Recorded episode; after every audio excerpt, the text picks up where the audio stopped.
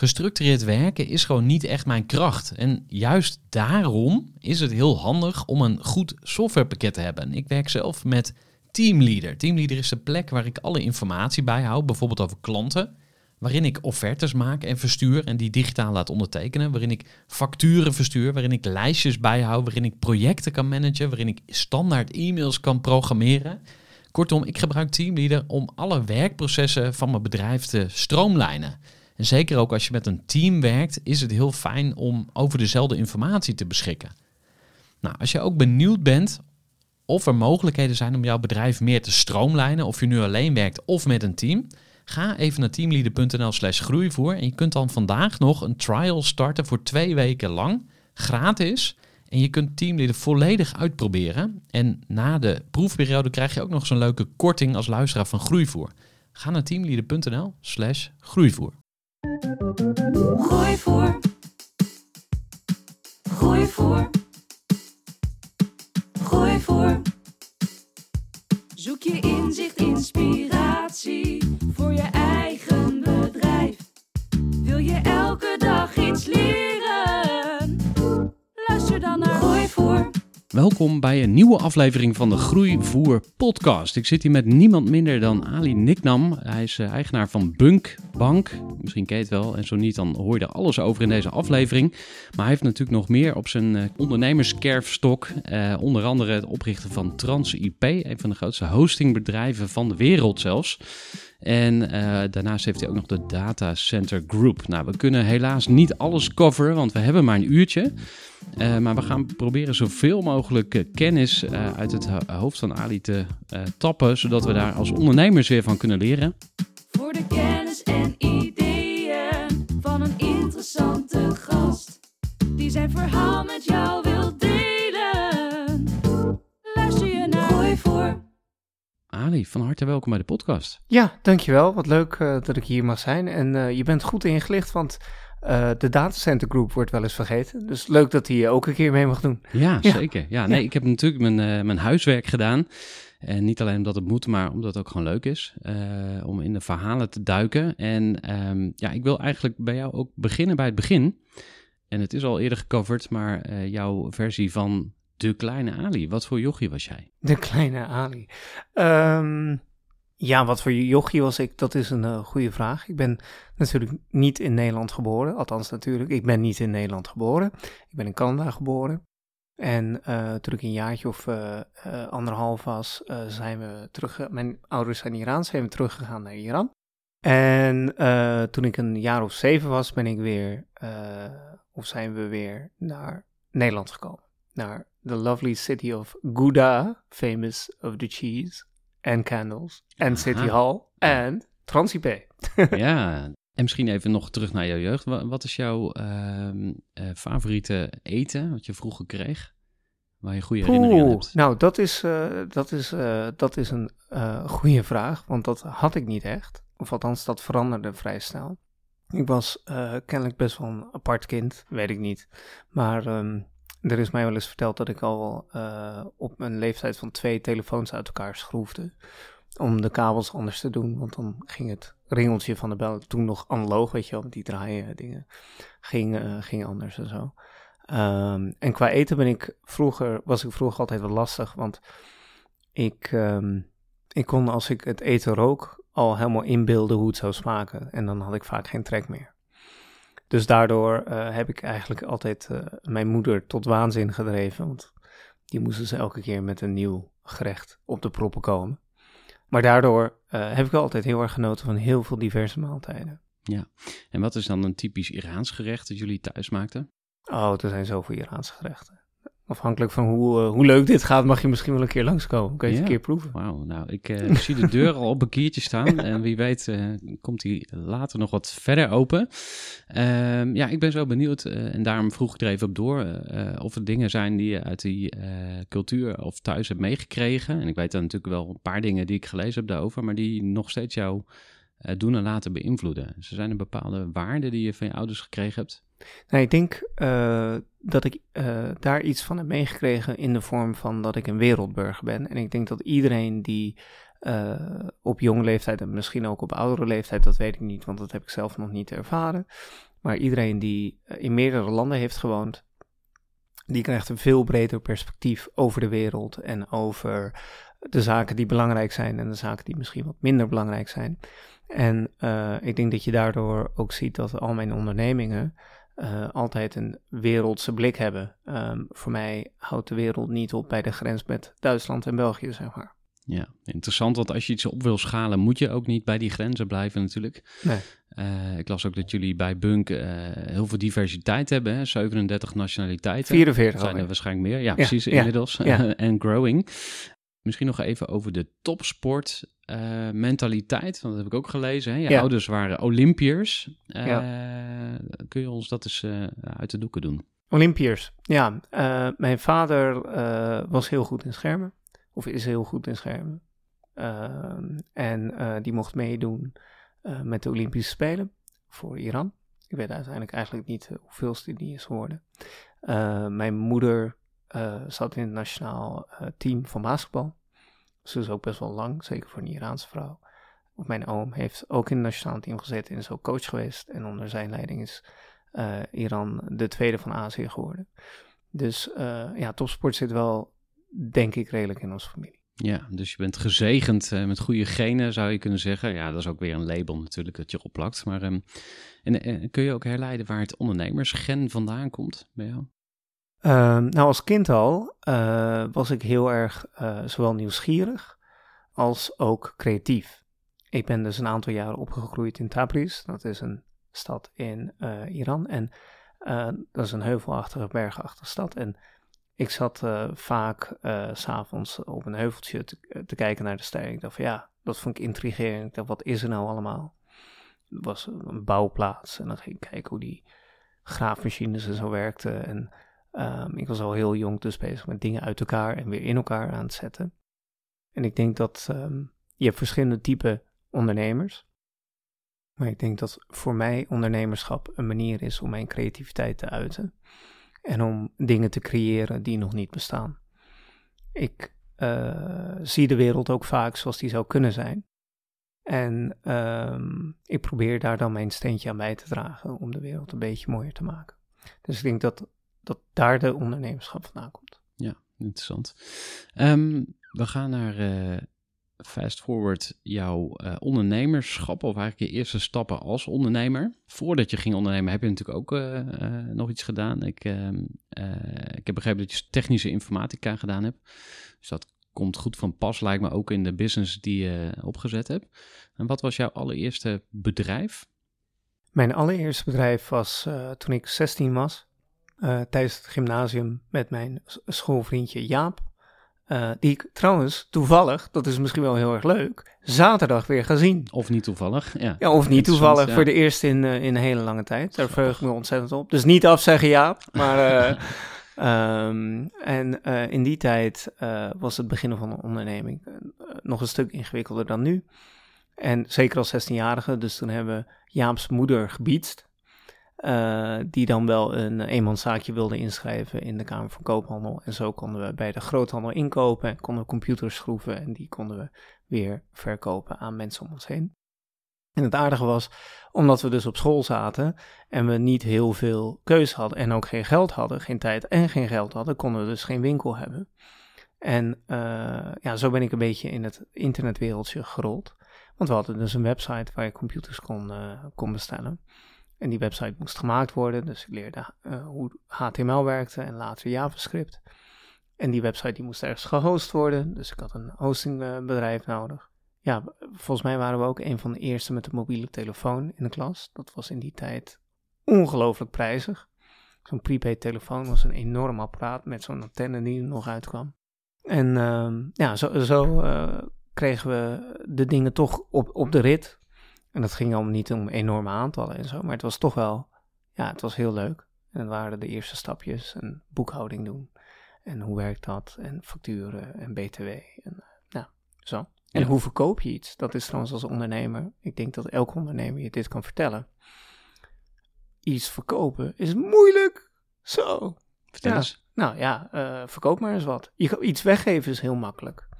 Um, dat gebeurt tegenwoordig ook heel veel. Hè? Dingen zeg ik hier intern ook wel eens, als een pak melk een euro kost en je quote-unquote verkoopt het voor 50 cent, dan verkoop je het dus niet, dan geef je het weg. Uh, maar om het echt te verkopen, om de prijs voor iets te krijgen wat het ook waard is, dat is moeilijk. Ja, merk je dat bij Bunkbank ook? Want ik heb Ehm, ge- gehoord natuurlijk, hè, jullie zijn niet de goedkoopste. En dan zijn die Hollanders meteen weer van, oh nou, als ik voor een euro minder per maand kan, dan ga ik wel weer naar een grootbank. Ja, Eh, is dat een bottleneck wat je, die jij ervaart? Ehm, nou, dat is, eh, dat is zeker een bottleneck, maar dat komt omdat we opgevoed zijn de afgelopen decennia met eh, het idee dat alle banken hetzelfde zijn. En dat is natuurlijk niet zo. Althans, dat is sinds de komst van Bunk niet zo. Als je kijkt wat je bij Bunk allemaal krijgt, dan is dat zoveel meer en dat geeft zoveel meer waarde dan die 2 euro die het meer kost dan een andere bank. Bovendien, als je de prijzen echt eerlijk zou vergelijken, dan zie je dat ons kleinste pakket, EasyBank, dat kost 2,99 euro per maand. Daar heb je een groene bank voor. Ehm, en daar heb je een personenrekening en een gezamenlijke rekening voor die 2,99 euro per maand. Nou, daarmee zijn we helemaal niet zo duur. Ik denk dat het een deel van het beeld komt naast dat, het, dat we niet gewend zijn dat banken dus ook anders kunnen zijn. Omdat mensen zich pas gaan verdiepen in de kosten op het moment dat ze een overstap overwegen. Ehm, ik heb hier zelfs ook medewerkers gehad die hier binnenkwamen. Ja, maar eh, ABN kost toch niks? Ze zeiden, nou, weet je, ga maar eens kijken. Ga maar eens kijken wat je het afgelopen jaar hebt betaald. Want die afschrijvingen, je krijgt nooit een factuur van je bank. Dat is allemaal heel handig. Dus dat wordt allemaal een beetje weggeschoven in je, in je transacties. En eh, nou, dit gebeurde recent nog, een paar maanden geleden. Toen eh, ging zij eh, alle kosten optellen. Toen zei ze, ja, ik ben de helft duurder uit dan Bunk. En zij deed echt niks raars. Ze had gewoon een creditcard. En ze ging af en toe naar het buitenland. En ja, zo. En dat telde dus heel erg op. We willen helemaal niet de goedkoopste zijn. Dat is niet ons doel. Maar we willen wel een eerlijke prijs voor een mooi product. En ik denk dat mensen die vinden dat we duur zijn, misschien eerst bij zichzelf te raden moeten gaan van, is Bunk nou echt duur? Of zijn zij nu juist de enige bank die transparant is met de prijs? Ja, precies. En eigenlijk wil je al helemaal niet in het gesprek terechtkomen. Tenminste, eh, vind ik zelf altijd heel irritant. Eh, ik heb een eh, ondernemersclub, een mastermind groep. Ja. En daar leveren we echt mega veel waarde voor ondernemers. Door ze bij elkaar te brengen, door ze uit te dagen, door met elkaar te sparren. En als mensen dan eh, zeggen van, oeh, nou, eh, dat is duur, dan raak ik altijd een klein beetje geïrriteerd, omdat ik weet hoeveel er achter de schermen gebeurt om het product te leveren. En eh, ik zie superveel waarde. En eigenlijk kom je dan al in een soort van verdedigingsmodus, hè, van dat je je eigen prijzen gaat verdedigen. Dus dat, en dan gaat de energie eigenlijk al de... Oh, het putje. Nou ja, Ja. precies, dan gaat het Ja. de verkeerde kant op. Nou, ik denk, ik, ik begrijp heel erg goed wat je zegt. Dat gevoel had ik zelf jaren geleden in het begin natuurlijk ook. Eh, net als jij werk ik ook aan het product. En eh, werk ik er heel hard aan samen met, met de jongens en meisjes van Bunk. Ehm, en als iemand dan iets over product zegt, is het makkelijk om, om gekrenkt te raken. Maar dat, dat, is, dat is niet constructief. En nu denk ik, oké, je vindt het te duur. Dat betekent één van twee dingen. Of het product wat wij eh, bieden is van onvoldoende waarde voor je. Of, en die kans is veel groter, we bieden een product wat heel veel waarde voor je hebt, heeft, maar dat weet je gewoon nog niet. Dus wat ik nu vaak hoor is, oké, we moeten dus duidelijker maken hoeveel waarde Bunk je brengt. Educating the public. Ja, en ook dat, denk ik, het onderscheid tussen ehm, perceptie en realiteit. Ehm, heel veel mensen, al begint dat de laatste ongeveer anderhalf jaar wel te veranderen, heel veel mensen leefden heel lang in de illusie dat banken gratis zijn. En dan stelde ik ze bijvoorbeeld de simpele vraag, oké, je zegt nu dat de ING bijvoorbeeld, dat die gratis is of niks kost, of et cetera. Maar we hebben net in de krant gelezen dat ze 2 miljard euro in een kwartaal hebben verdiend. Hoe kunnen die twee dingen tegelijk waar zijn? Ja. Nou, dus dat, en dan gaan mensen nadenken en dan kan je een conversatie hebben en dan zeg je, oké, nou, waar gebruik je bank eigenlijk voor de hele dag? En voor de meeste mensen is het antwoord, ja, gewoon pinnen, eh, koffie afrekenen, weet ik veel wat afrekenen. Oké, nou, dat kan bij Bunk ook. Maar wat als je bank je nou ook hielp om te budgetteren? Zodat je geld overhield aan het eind van de maand, zonder dat je daar moeite voor hoeft te doen. Wat als je bank je in staat stelde om jou te laten kiezen wat er met je geld gebeurt, zodat je niet eigenlijk medeplichtig bent aan het investeren in wapenfabrieken en in de Alaska-pijplijn. Uh, die gelukkig door Biden is afgeschaft, overigens. Wat als je bankje hielp met allemaal andere dingen? En dan denk je, hé, hey, dat vind ik heel erg interessant. Dus oké, en als dat nou ook nog eens minder kost dan Spotify. Ja, stap je dan niet meteen in.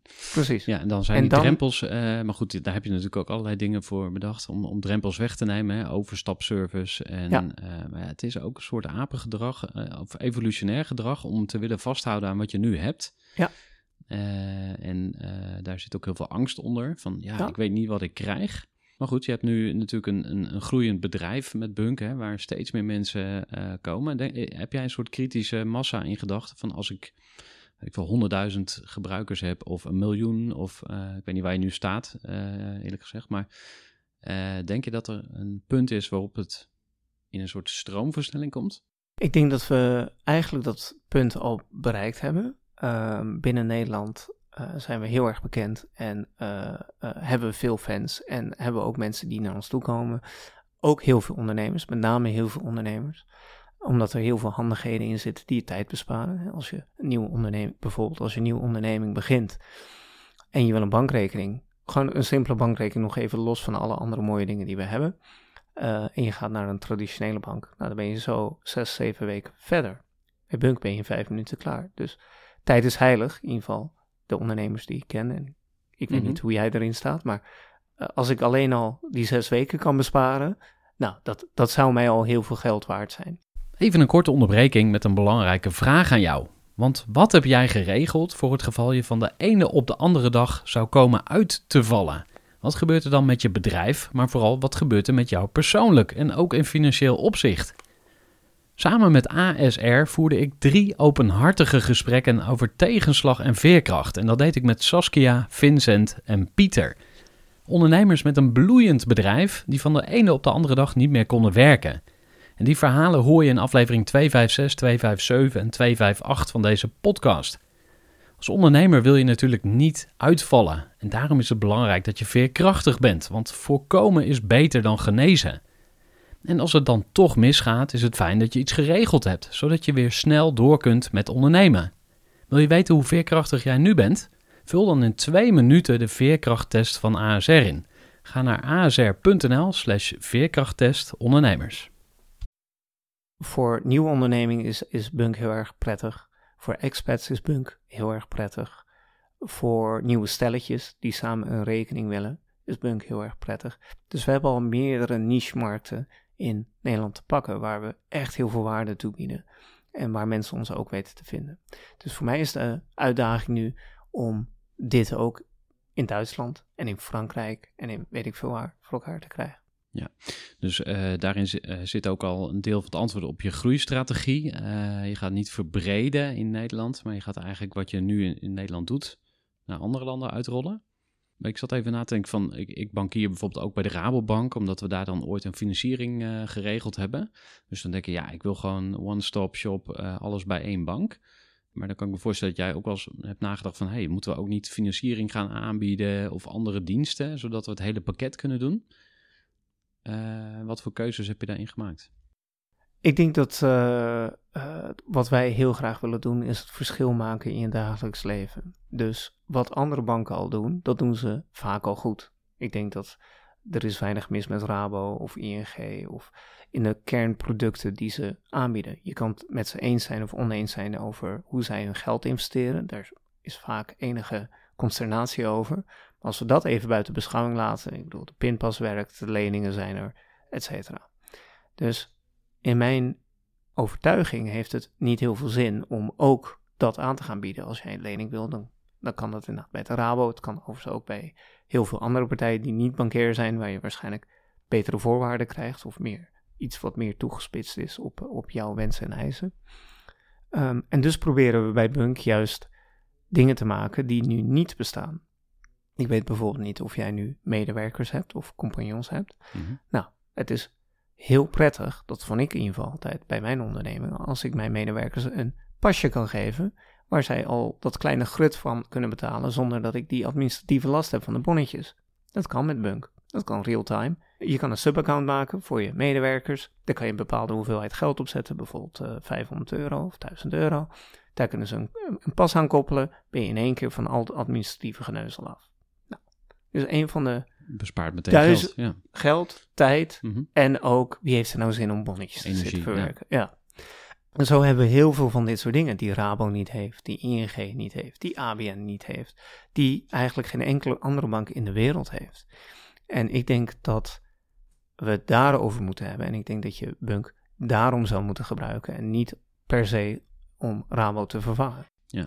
Misschien nog één feature eruit lichten. En dan Ja. eh, gaan we ook weer ehm, eh, naar eh, jouw ondernemerslessen. Hè? Dus daar zit natuurlijk nog heel veel in wat ik graag van je wil weten. Maar misschien nog één feature eruit pikken. Profit First. Misschien wel eens van gehoord, hè? Ja. Spaarpotjes. Ja. ehm, eh, waar ik ook mee ben gaan werken een jaar of twee geleden. En het basisidee is dat je als ondernemer je geld in potjes stopt. Zodat je Ja. weet welk geld waarvoor is. Ja. Eh, jullie faciliteren dat ook, geloof ik? Jazeker, dat is eh, bij Punk krijg je automatisch 25 potjes. Ehm, en wij weten ook dat heel veel Profit First eh, mensen, of die dat doen, dat die graag bij Bunk zitten. Ehm, want eigenlijk als je standaard een rekening aanmaakt bij Bunk, krijg je al drie potjes. Voor je dagelijkse, voor je dagelijkse uitgaven, fun money voor je leuke dingen en sparen voor andere dingen. En we hebben bij Bunk ook heel veel automatisering die je ook weer daarmee helpt, zodat je niet over hoeft na te denken. Dus bijvoorbeeld als ondernemer kan je instellen dat inkomende bedragen automatisch 21% wordt opzij gelegd, zodat je klaar bent voor je BTW. Eh, maar ook andere zaken, zoals bedragen afronden naar boven, zodat je een spaarpotje aanmaakt. Ehm, als je salaris hebt, je salaris verdelen in verschillende potjes automatisch, zonder de- eh, dat je dat met de hand hoeft te doen. Al deze dingen zijn bij Bunk vandaag mogelijk. En ik raad het overigens ook iedereen aan om één keer dit goed in te stellen. Want iedereen die ik gesproken heb, die dit één keer instelt, die zegt: Ik vind het zo geweldig. Het kost me geen tijd. Ik heb veel meer gevoel eh, dat ik mijn geld onder controle heb. En ik hou ook veel meer geld over. Want ik hoef er niet meer de hele tijd over na te denken. Als je buiten aan het drinken bent, gezellig avondje, het is weer vrijdag vandaag, dus het is helemaal top. En je hebt gewoon een drankpotje, dan kan je onbezorgd drankjes bestellen tot het geld op is. Nou, dan weet je ook dat tijd is om huis. Ja, precies. Mooi. Ehm, we hebben het gehad over eh, jouw eh, afkomst, je achtergrond. Eh, we weten wat je gestudeerd hebt, je eerste stappen als ondernemer. We zijn niet heel diep ingegaan op TransIP. Eh, ook niet op de Datacenter Group. Misschien kunnen we die twee toch even eh, kort beetpakken. Tuurlijk. TransP begon ik op mijn 21ste tijdens mijn studie informatica. En eh, dat, dat was eigenlijk een uitvloeisel nog van mijn bedrijfje wat ik op de middelbare school had. Zo raakte ik geïntroduceerd aan het internet. En ik was ook heel erg gebiologeerd door het internet. Dat gevoel van verbondenheid, hè, we hebben het al even over gehad. één wereld, geen grenzen, et. Zeker in die tijd eh, was, was, was het internet, ja, dat, dat was zo geweldig. En je, voelt, je voelde je verbonden. En eigenlijk alles waar ik vandaag in het dagelijks leven voor sta, was toen digitaal. Werden daar toen digitaal de, de zaadjes van geplant. En eh, er vielen mij heel veel dingen op die, eh, die beter konden. En waarvan ik dacht van, hé, hey, nou, eh, een, een bekend voorbeeld wat ik vaak en graag aanhaal is... hé, hey, het is toch best raar als je een digitaal product aanvraagt, een domeinnaam wat 24-7 is wereldwijd, et cetera, dat je daar nog een natte handtekening moet zetten en een bestelling moet faxen in die tijd. Nou, uit dat soort dingetjes is TransIP geboren en we waren met TransIP uh, eigenlijk ook weer uh, world leading met uh, een control panel wat je in staat stelde om al dat soort dingen, nieuwe domeinnamen aanmaken, maar ook beheren en ook koppelen aan je webhosting uh, en wat je ook maar wilde, om dat altijd eigenlijk zelf te doen zonder dat je afhankelijk was van een account manager.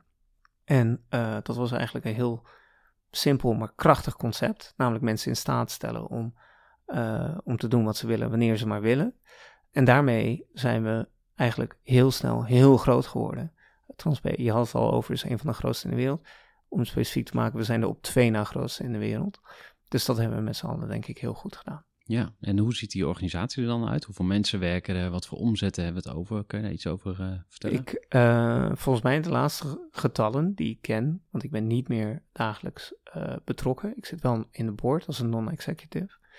Maar um, we hebben het uit mijn hoofd over 1500 medewerkers.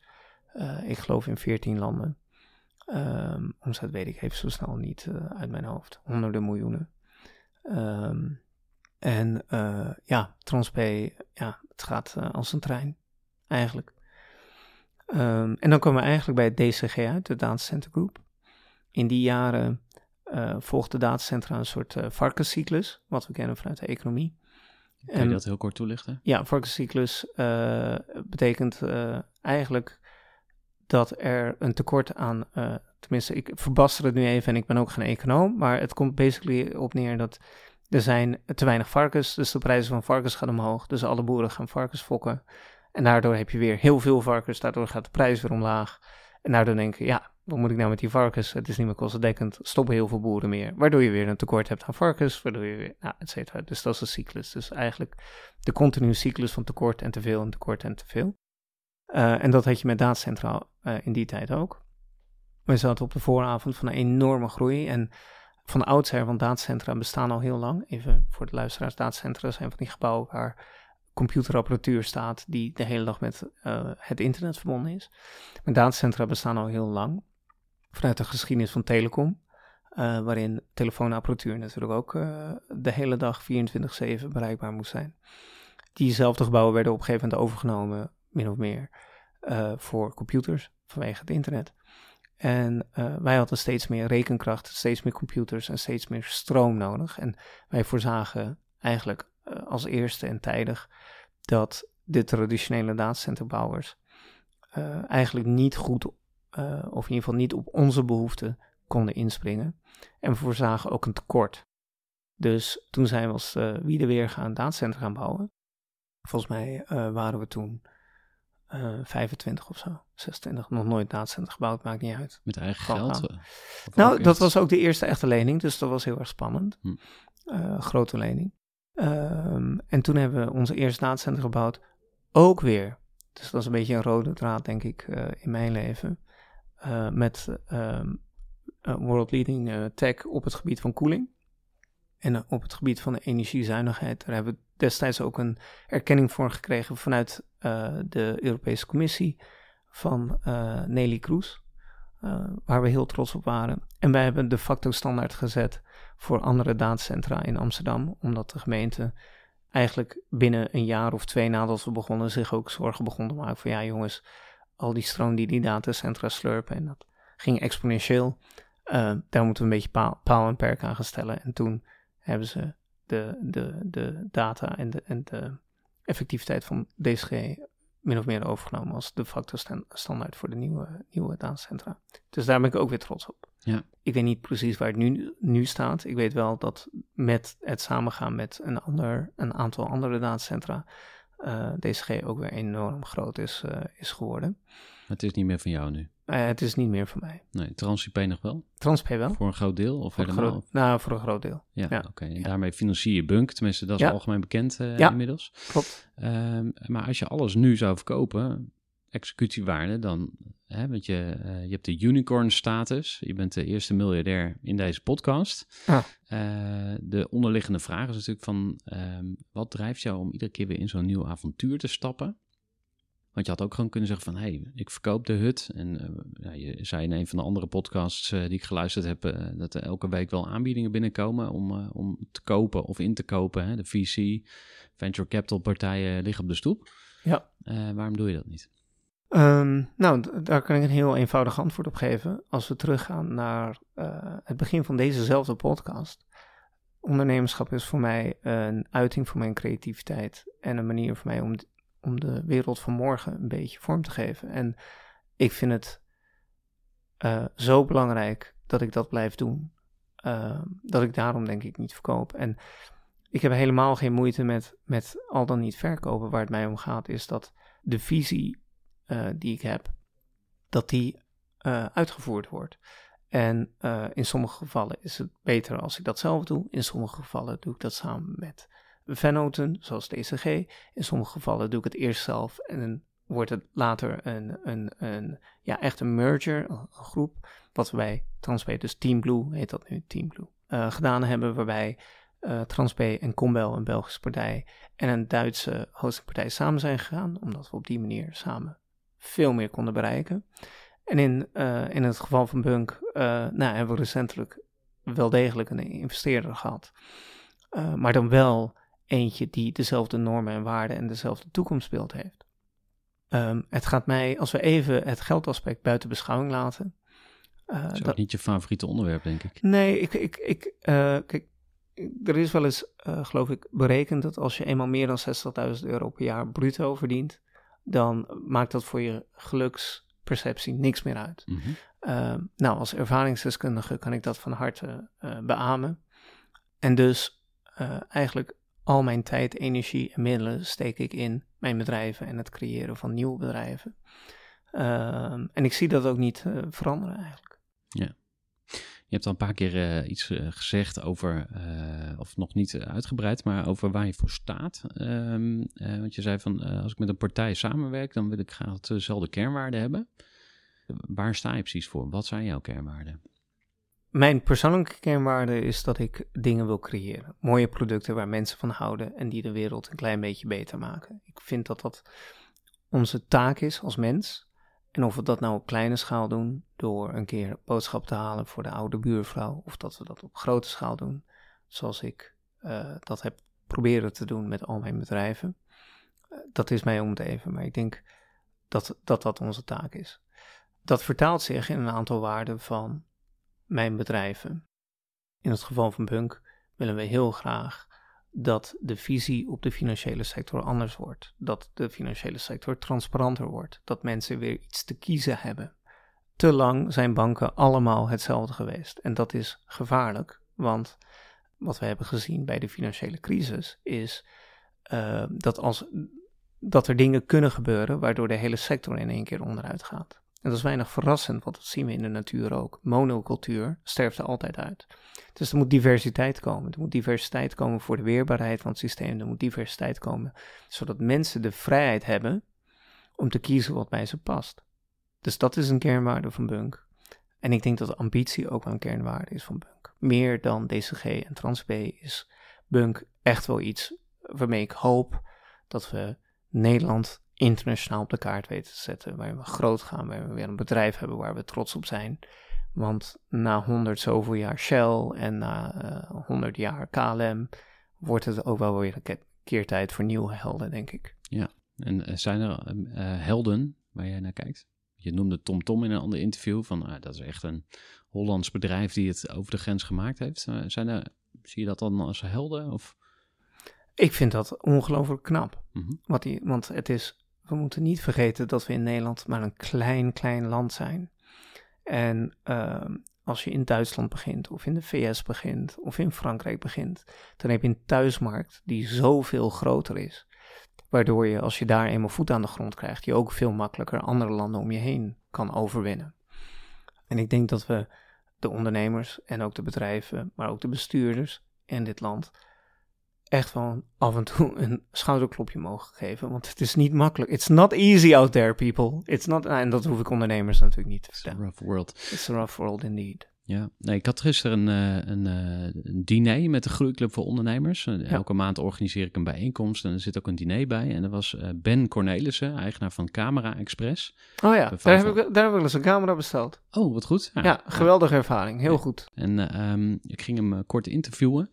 En toen kwam, eh, want zij gaan nu in eh, Duitsland ook aan de slag. En toen kwam Pieter Zwart eh, te sprake, die natuurlijk met Coolblue naar de beurs gaat. En die 150 miljoen uittrekken voor het bestormen van de Duitse markt. En toen zei Ben Cornelis van ja, dat is niks. Dat is peanuts. Je gaat in een peanuts. markt spelen. Ja. Je hebt misschien wel het tienvoudige nodig. Dus anderhalf miljard om überhaupt een deuk in een pakje boter te slaan in Duitsland.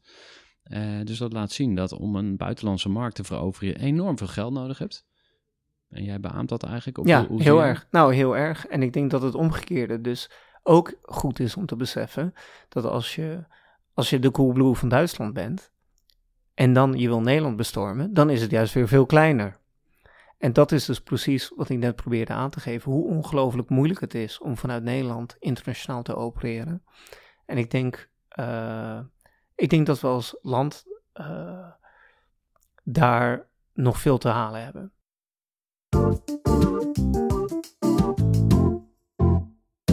Heb begrepen dat jullie hebben best wel een bijzondere cultuur bij Bunk. Het moet bij je passen of niet? Het is Klopt. niet voor iedereen. Het is niet voor iedereen. Nee, wat, wat, wat maakt dan dat het niet voor iedereen is? Nou, ik denk dat het eh, zo is dat we. eh, er is een realiteit van het werken bij een start-up. Namelijk, eh, er gebeurt heel veel. Je hebt heel veel invloed. Je kan heel veel dingen in korte tijd doen waar je bij een normaal bedrijf. ja, eigenlijk alleen maar van kan dromen. Eh, maar er is ook een beeld van start-ups, ook door de romantisering, door een aantal series, dat je een beetje pizza's vreet en, en leuk en gezellig. En nou, ik weet niet of iemand Silicon Valley wel eens hebt gezien. Nou, zo is het leven dus niet. En eh, waar we bij Bunk best wel veel last van hebben, zijn mensen die om de verkeerde redenen bij Bunk willen komen. En de verkeerde redenen kunnen zijn bijvoorbeeld omdat ze, eh, omdat ze dat romantische beeld hebben. Eh, maar bijvoorbeeld ook eh, omdat ze hier willen zijn, omdat ze menen dat het heel goed op hun cv staat. Wat overigens ook zo is. Maar dat is niet een reden om bij Bunk te komen werken. Dus wij zijn heel erg strikt aan de deur. Wie we binnenlaten. Eh, Dus het begint ook met een MBTI, heb ik gehoord. eh, Ja. Persoonlijkheidstest. Ja, wij doen. dus dat, dat is ook leuk dat je dat zegt. Want een van de kernwaarden van Bunk is ook eh, dat we dingen niet op basis van dogma doen. Op basis van ik vind. Maar op basis van objectieve feiten. En dat betekent ook dat we al onze processen zo goed mogelijk, zo objectief mogelijk proberen te maken. Ehm, zodat iedereen een gelijke, eerlijke kans krijgt. Daardoor zie je ook dat bij ons mensen, jong, oud, man, vrouw, Nederlands, niet-Nederlands, allochtoon, hè, om maar eens een groep te noemen, dezelfde kans krijgt om een bepaalde taak te vervullen. Alleen, hoe stellen we vast of je in staat bent om een taak te vervullen? Nou, door te kijken, door te testen hoe goed je bent in die taak. Als je, als we het over topsport hebben, als je voor Ajax wil voetballen, dan moet je punten scoren boeit Ajax geen fluit wie je vader is, wie je moeder is, wat je achternaam is. Ehm ja, De leeftijd bal misschien. moet in de net. de bal klaar. moet in het net Mhm. en klaar.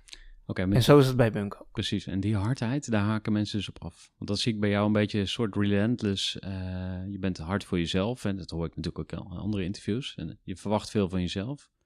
Dus ook van mensen. Nou, niet ik- iedereen kan dat aan. Of Ik denk, dat nou, ik, ik, ik denk dat we, eh, ik, ik weet niet, nou, ik- oké, nou misschien, ik weet niet of ik wel of niet hard ben, zo ervaar ik het zelf eh, niet. Maar goed, dat eh, different, different perceptions can exist. Ik denk dat het verschil eh, bij Bunk is dat we aan de ene kant zo groot en bekend en eh, eigenlijk positief zijn dat er heel veel mensen willen werken. En aan de andere kant dat we een internationale cultuur hebben. We hebben cultuur van objectiviteit, een cultuur van resultaten. En we zijn in Nederland zijn we dat niet zo goed gewend. Als je in Amerika bij de voetbalclub wil, als kind al, dan moet je laten zien dat je you want to put in the effort and you're good enough. Je kan niet zomaar bij het basketbalteam daar. Je moet eh, spelen en dan kijken ze of ze je goed genoeg vinden, ook als kind al hè. Hmm. En dan mag je meedoen. In Nederland mag iedereen meedoen. Ja, egalitaire cultuur. Egalitair. En dat is ongelooflijk fijn. En daardoor hebben we een heel fijn land. Maar als je een bedrijf wil creëren wat internationaal kan concurreren. En we hebben het net al een beetje gehad over eh, Duitsland en Coolblue en 150 miljoen dat niks is. Dan moet je dus ook concurreren met andere landen waar deze performance cultuur heerst. Nou, dat is, aan de ene kant is dat niet voor iedereen, dat klopt. Ehm, en daar is ook niks mis mee, want er zijn heel veel bedrijven in Nederland. Maar er zijn niet heel veel bedrijven voor mensen die dat wel willen, waar performance echt de norm is. Er is een verschil tussen VVV Gouda voetballen of Ajax voetballen. Als je voor Ajax wil voetballen, dan verbaast het niemand dat je vier keer per week traint. Bijvoorbeeld, of vijf keer, weet ik veel hoe Mhm. vaak die mensen Ja, je trainen. maakt offers. Maar als je voor VVV Gouda gaat voetballen, ja, dan is het ga- gek als je vijf keer per week traint. Maar als je iemand bent die voor Ajax wil voetballen en je gaat bij VVV Gouda voetballen, dan word je ook helemaal gek. Want dan denk je, ja, eh, hallo, ik train vijf keer per week. Waar is iedereen? Ik wil winnen. Waar is iedereen? Ik ben fit. Waar is iedereen? Hoezo sta je hier met een kater? We hebben een wedstrijd vandaag. Ja, let's go. Ja. Let's go. En ik denk dat Bunk eigenlijk de Ajax is van Nederland. Als je echt wil voetballen, als je kan scoren, als je het beste uit jezelf wil halen, dan is Bunk het bedrijf voor jou. En als je een baan wil waar je op je gemak bent, waar je gewoon je ding doet eh, eh, en, en eh, andere dingen in het leven. Comfortzone. Eh, ja, en daar, daar is niks mis mee, maar dan moet je niet naar Bunk willen komen. En hoe lukt het je dan om ze toch binnen te halen? Is dat eh, dit verhaal wat je nu eh, geeft? Want eh, de start-up cultuur, hè? Ik moest ook zelf mijn koffie pakken. En er, is, Ja. er is geen er is geen curfew. glanzend Koffie, kantoor. Ja. Ik, ik, ik was bij Bas van der Veld van AFAS. Ken je misschien wel? Ja. Een softwarebedrijf. Die hebben een eigen campus gebouwd van 200 miljoen. Dus je kan mensen niet trekken met een fancy kantoor of met dat soort shiny objects. Ja, maar wij geven iets aan mensen wat veel belangrijker is. De kans om het beste werk te doen wat je maar kan doen. In een omgeving waar hyperintelligente, hypergedreven mensen zitten. Dat is uniek, dat bestaat niet in Nederland. Eh, waar gaat het naartoe met de wereld? Ehm, de wereld gaat heen wa- wat wij als mensen willen. En dat is misschien een dooddoener, maar dat is wel zo. Dus als wij een goede doen zijn en we denken dat er nog veel moois aankomt, dan komt er veel moois aan. Als wij niet een goede doen zijn en we wantrouwen elkaar, wat de laatste paar jaar helaas eh, een beetje de boventoon eh, voert, dan wordt de wereld ook zo. Dan krijgen we zaken als Brexit, dan krijgen we zaken als kapitoolbestorming, dan krijgen we zaken als mensen die zo wantrouwig zijn naar centrale instituten dat ze hun eigen veiligheid op het spel zetten. Eh, en dat is zonde. En ik denk dat de enige manier om dat te doorbreken is niet, niet in confrontatie te gaan met elkaar, niet in discussie en debat te gaan met elkaar, niet elkaar proberen te overtuigen, wat we in Nederland, maar ook in het buitenland vaak denken, maar eigenlijk om elkaar lief, lief te hebben en om naar elkaar te luisteren en om elkaar te accepteren. De fase waar wij nu in verkeren in de wereld vind ik een hele gevaarlijke, alhoewel die een stuk beter is geworden, godzijdank, door Jo- Joe Biden. Vind ik een hele gevaarlijke omdat er veenbrandjes zijn eh, die we aanjagen en aanblazen in plaats van uitblazen. Vanuit angst en wantrouwen. en Vanuit angst en gebrek aan wantrouwen. liefde. en een gebrek aan liefde. En ik denk dat als we ons even beseffen dat we allemaal mensen zijn, en we willen allemaal hetzelfde, en ik ken weinig mensen die elkaar kennen, zeg maar, en dan niet kennen als vrienden, maar in fysieke verschijning, zeg maar, elkaar en elkaar echt niet mogen of haten of wantrouwen. En ik denk dat we even daar weer even aan moeten wennen. Dat het makkelijk is om een beeld van iemand wat je op tv ziet, of een beeld van iemand op Facebook of weet ik veel wat. Die artsen die willen dit. Mark Rutte is zo. Weet ik veel wil is dat. Mexicanen, daar moeten we een muur voor bouwen. Maar ik denk dat als we gewoon, zoals Job Cohen dat ooit zei, gewoon een kopje thee met elkaar drinken, dan kunnen we waarschijnlijk 99% van alle issues mee oplossen. Leven uit liefde. Slogan van een eh, bevriende ondernemer, Willem-Jan Ausma. Zit ook bij, eh, bij de Groeiclub voor Ondernemers. Mooi clubje heb je daar te horen. ik- Jeetje. Even wat sluikreclame natuurlijk. Je kent me inmiddels. Ehm, ja, mooi. Ik ga dat rustig terugluisteren en wil gaan afsluiten. Want jij hebt een drukke agenda waar ik natuurlijk graag rekening mee hou. Dankjewel. En ik ga toch even, want dit was natuurlijk een filosofisch, spiritueel ehm, eh, hapje groeivoer. Maar ik denk dat de luisteraars ook nog wel iets concreters lusten. Mhm. Dus ehm, zou je ons eens jouw eh, beste ondernemersles willen geven van je reis tot nu toe? Waarvan je denkt, dat moet elke ondernemer tussen zijn oren knopen. Stay true to yourself. Het is heel makkelijk om eh, te verdwalen in een oerwoud van afleidingen en geluid en eh, dagelijkse problematiek. En geloof me, zoals je weet, ondernemers hebben elke dag een bak ellende. Maar nu ik wat ouder ben, ben ik heel erg tevreden dat ik ook op moeilijke momenten het bij mezelf heb gehouden. Dus dat zou ik iedereen willen aanraden. Dankjewel, Ali. Graag gedaan. Dankjewel. Ja, tot zover deze aflevering van de Groeivoer podcast. Het was erg gezellig hier in Amsterdam op het kantoor van Bunkbank met Ali Niknam. Vond je deze aflevering inspirerend? Stuur die dan ook gerust door aan andere ondernemers in je netwerk. Mochten wij nog niet verbonden zijn met elkaar, voeg mij dan even toe op LinkedIn. Mijn naam is Gerhard Tevelde. En als je het leuk vindt, kun je ook een keer mee eten bij de Groeiclub voor Ondernemers. Je hebt hem een paar keer voorbij horen komen. Tot zover deze aflevering. Geniet van je dag en graag tot een volgende keer. Gooi voor.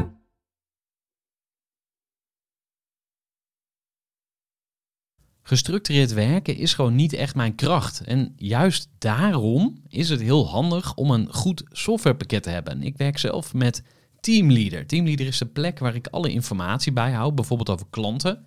Waarin ik offertes maak en verstuur en die digitaal laat ondertekenen. Waarin ik facturen verstuur, waarin ik lijstjes bijhoud, waarin ik projecten kan managen, waarin ik standaard e-mails kan programmeren. Kortom, ik gebruik Teamleader om alle werkprocessen van mijn bedrijf te stroomlijnen. En zeker ook als je met een team werkt, is het heel fijn om over dezelfde informatie te beschikken. Nou, als je ook benieuwd bent of er mogelijkheden zijn om jouw bedrijf meer te stroomlijnen, of je nu alleen werkt of met een team, ga even naar teamleader.nl slash groeivoer en je kunt dan vandaag nog een trial starten voor twee weken lang, gratis. En je kunt Teamleader volledig uitproberen. En na de proefperiode krijg je ook nog een leuke korting als luisteraar van Groeivoer. Ga naar teamleader.nl slash groeivoer.